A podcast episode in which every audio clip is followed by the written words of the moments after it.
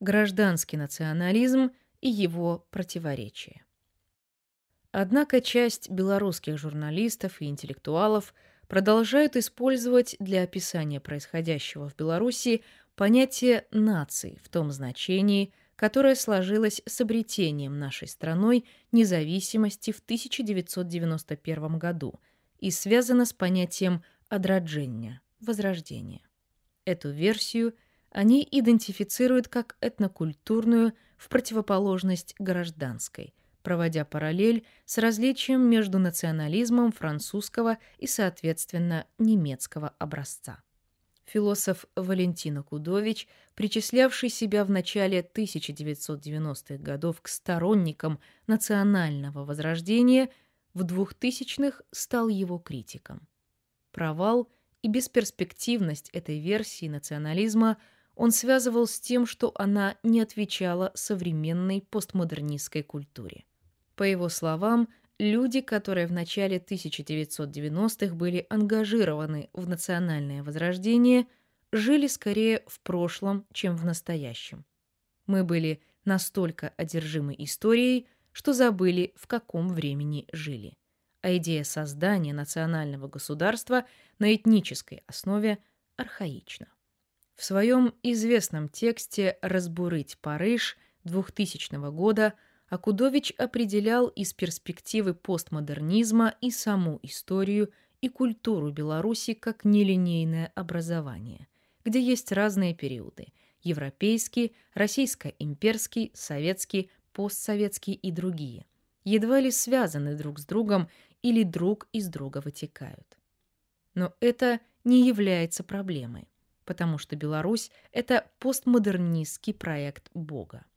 Это значит, что все исторические периоды имеют значение для понимания прошлого и настоящего Беларуси. И не так важно, что они связаны с разными, часто исключающими друг друга ценностями, нарративами и институтами, связать их друг с другом помогает постмодернистское понятие различия – дифференсе Жака Derrida.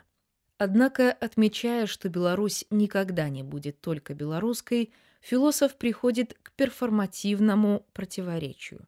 С одной стороны, он отстаивает равноценность различных исторических периодов для понимания современной белорусской коллективной идентичности, а с другой – обозначает в качестве собственно белорусских те из них, что были и остаются связаны с белорусским языком, говоря, что Беларусь никогда не будет только белорусской и европейским наследием.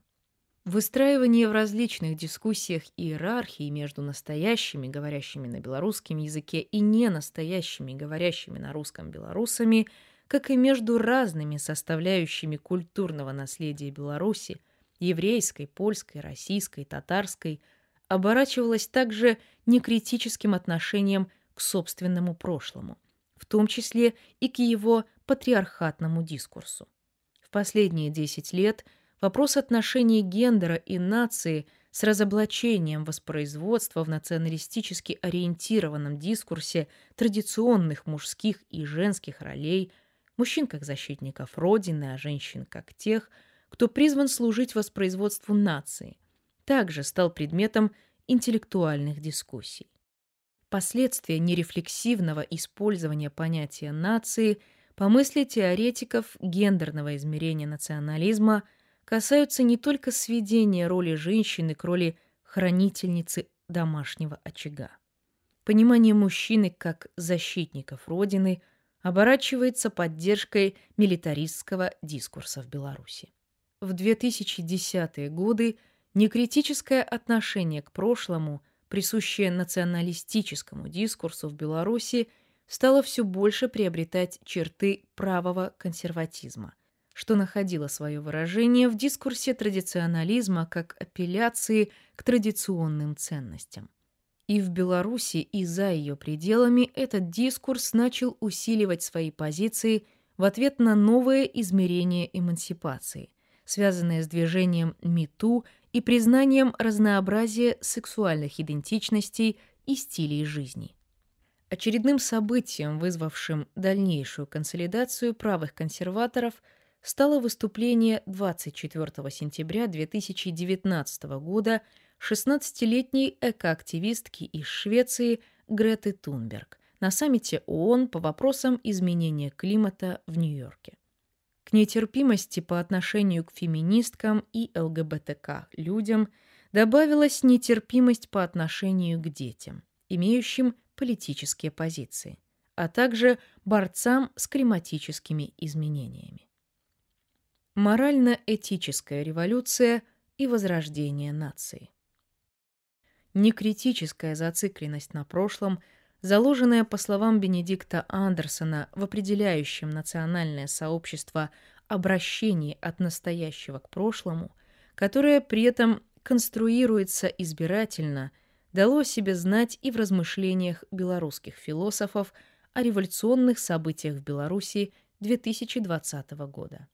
Так, философка Татьяна Щитцова, отстаивая морально-этический характер белорусской революции, назвала ее результатами не только воплощенную явленность гражданского общества, но и патетическую идею о новом рождении белорусской нации. Эта идея опирается на два ключевых момента. Во-первых, на демократизацию политических институтов – которая должна восстановить в силе конституционное положение о том, что сувереном Республики Беларусь является народ. Во-вторых, на возрождение культурно-исторического наследия белорусов. О том, что это наследие, как и любое другое, является многообразным и вполне может вступать в противоречие с демократическим народовластием, Татьяна Щитцова никак не упоминает. Вместо критического взгляда на собственную историю и культуру философка предложила гордиться своей национальной самоидентификацией.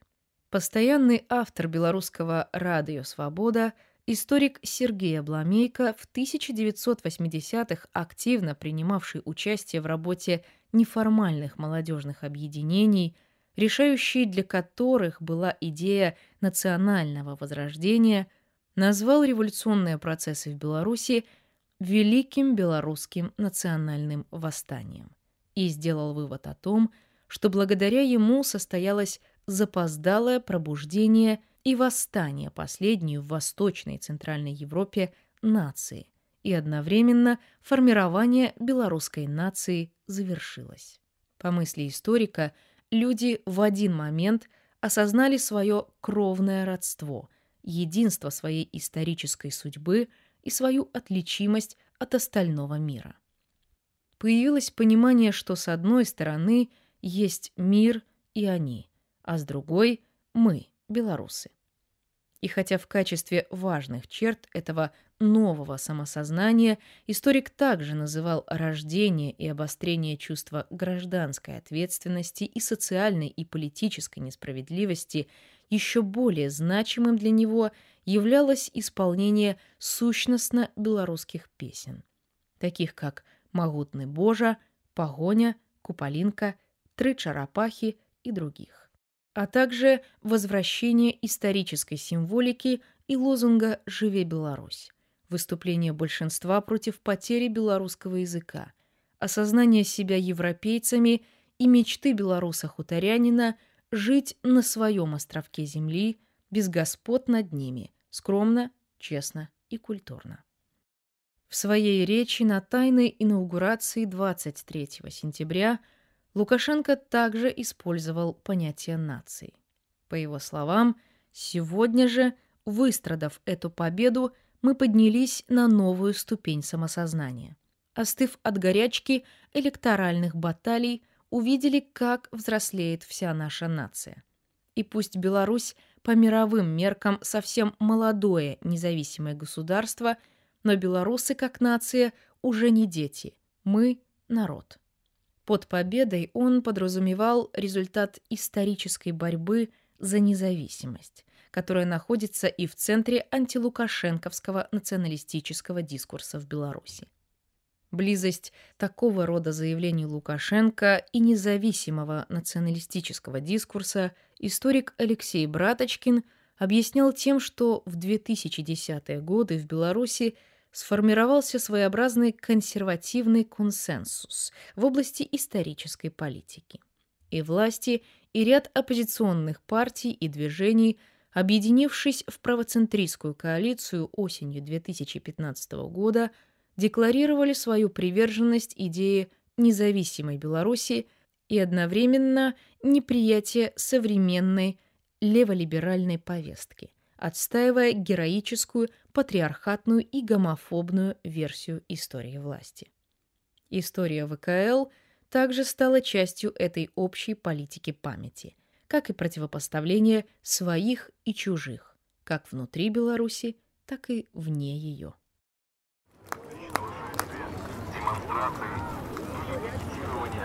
Их организаторам и участникам запрещается препятствовать движению транспортных средств и пешеходов, создавать помехи для бесперебойного функционирования организации, устанавливать палатки, иные временные сооружения, воздействовать в какой бы то ни было форме на сотрудников органов внутренних дел. В целях воспрепятствования выполнения